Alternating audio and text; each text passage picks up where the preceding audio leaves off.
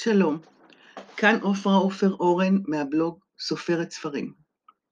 על הספר פעימה וקו, רופא וצייר משוחחים על רפואה, אומנות וחיים, של פיטר גילבי ואסף רומנו. לעתים נדירות מזדמנת חוויה מפעימה בעוצמות שמעניק ספרם של שניים, הרופא פיטר גילבי והאומן אסף רומנו.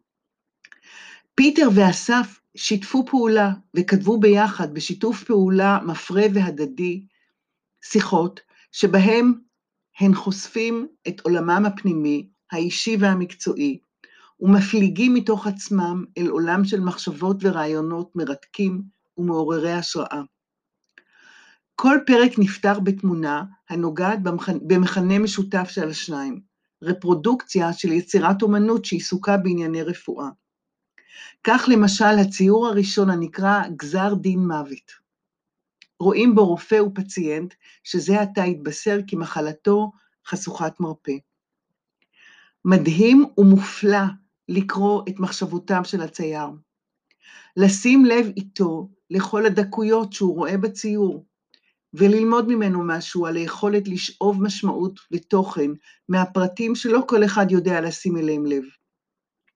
משם ממשיכים אל דבריו של הרופא, שמשתף את חברו ואותנו הקוראים בכל מיני סוגיות הקשורות בעולמו המקצועי. מה מרגיש רופא שצריך לבשר לחולה שלו שהוא נוטה למות? איך הוא מתמודד עם הכורח לעשות זאת? מה קורה כשהבשורה נמסרת בהיסח הדעת, באדישות?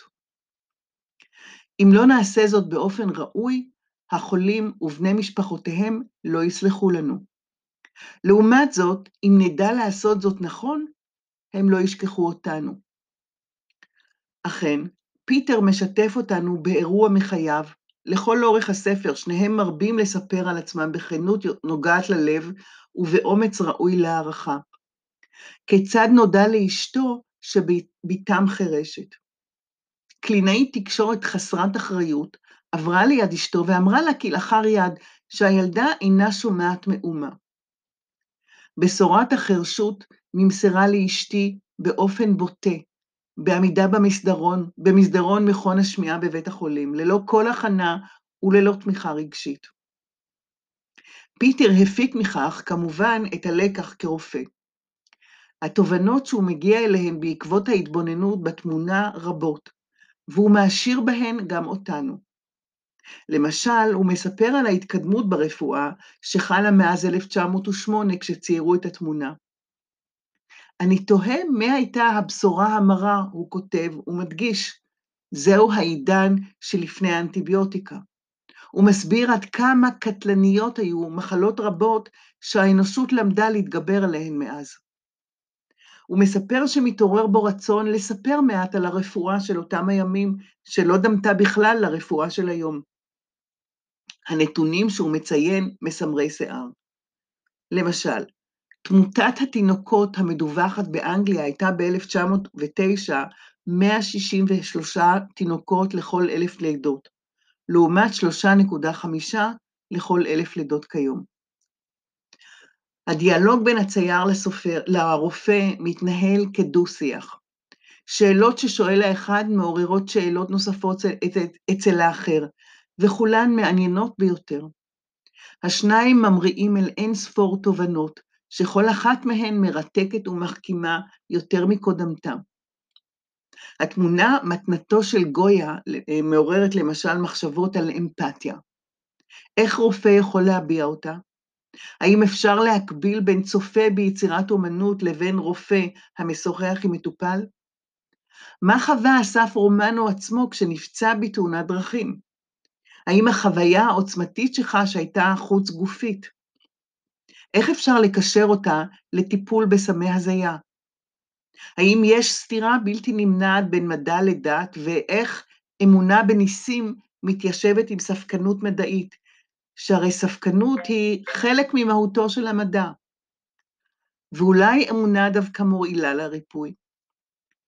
פיטר מספר על השפעתן המפתיעה של תרופות דמה, פלסבו, הוא מספר אפילו במבוכה כיצד הזריק פעמיים לחולה שהתלונן על כאבים עזים, וכיצד אותו חולה נרגע ונרדם כי האמין שקיבל משכך כאבים.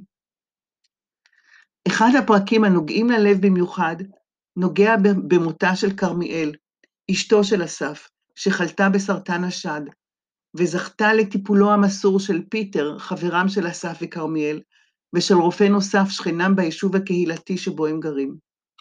מכאיב ומעורר השראה התיאור המדוקדק, המדויק, שכולל פרטי פרטים על גסיסתה של כרמיאל, על החסד שזכתה לו בשל האהבה הרבה שבה עטפו אותה בני משפחתה, ילדיה, בעלה, אחותה, שכנותיה, וכמובן גם שני הרופאים. אחת השאלות המפרות ששואל הרופא את הצייר היא, מה יש באיך של הציור שמושך את העין ואת הלב? ואסף פותח בכך שזאת אולי השאלה בה"א הידיעה של כל מי שיוצר אומנות, ואז מנסח תשובה מרתקת ומעוררת מחשבות. בין היתר, אנחנו רוצים וצריכים יותר, ואומנות מאפשרת חוויה שבה היותר נגיש ואפשרי. בהמשך הוא מסביר שנושא אינו קובע את איכות הציור ותוהה, אולי אישיותו של הצייר היא הקובעת. דומה כי בשאלה הרטורית הזאת ביטא אסף את גדולתו של הספר שלפנינו, אישיותם הכובשת של שני הכותבים. המפגש איתם ביחד, ועם כל אחד מהם בנפרד, מזמן לנו חוויה מופלאה.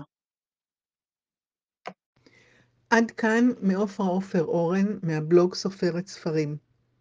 אשמח לשמוע תגובות מכם. להשתמע.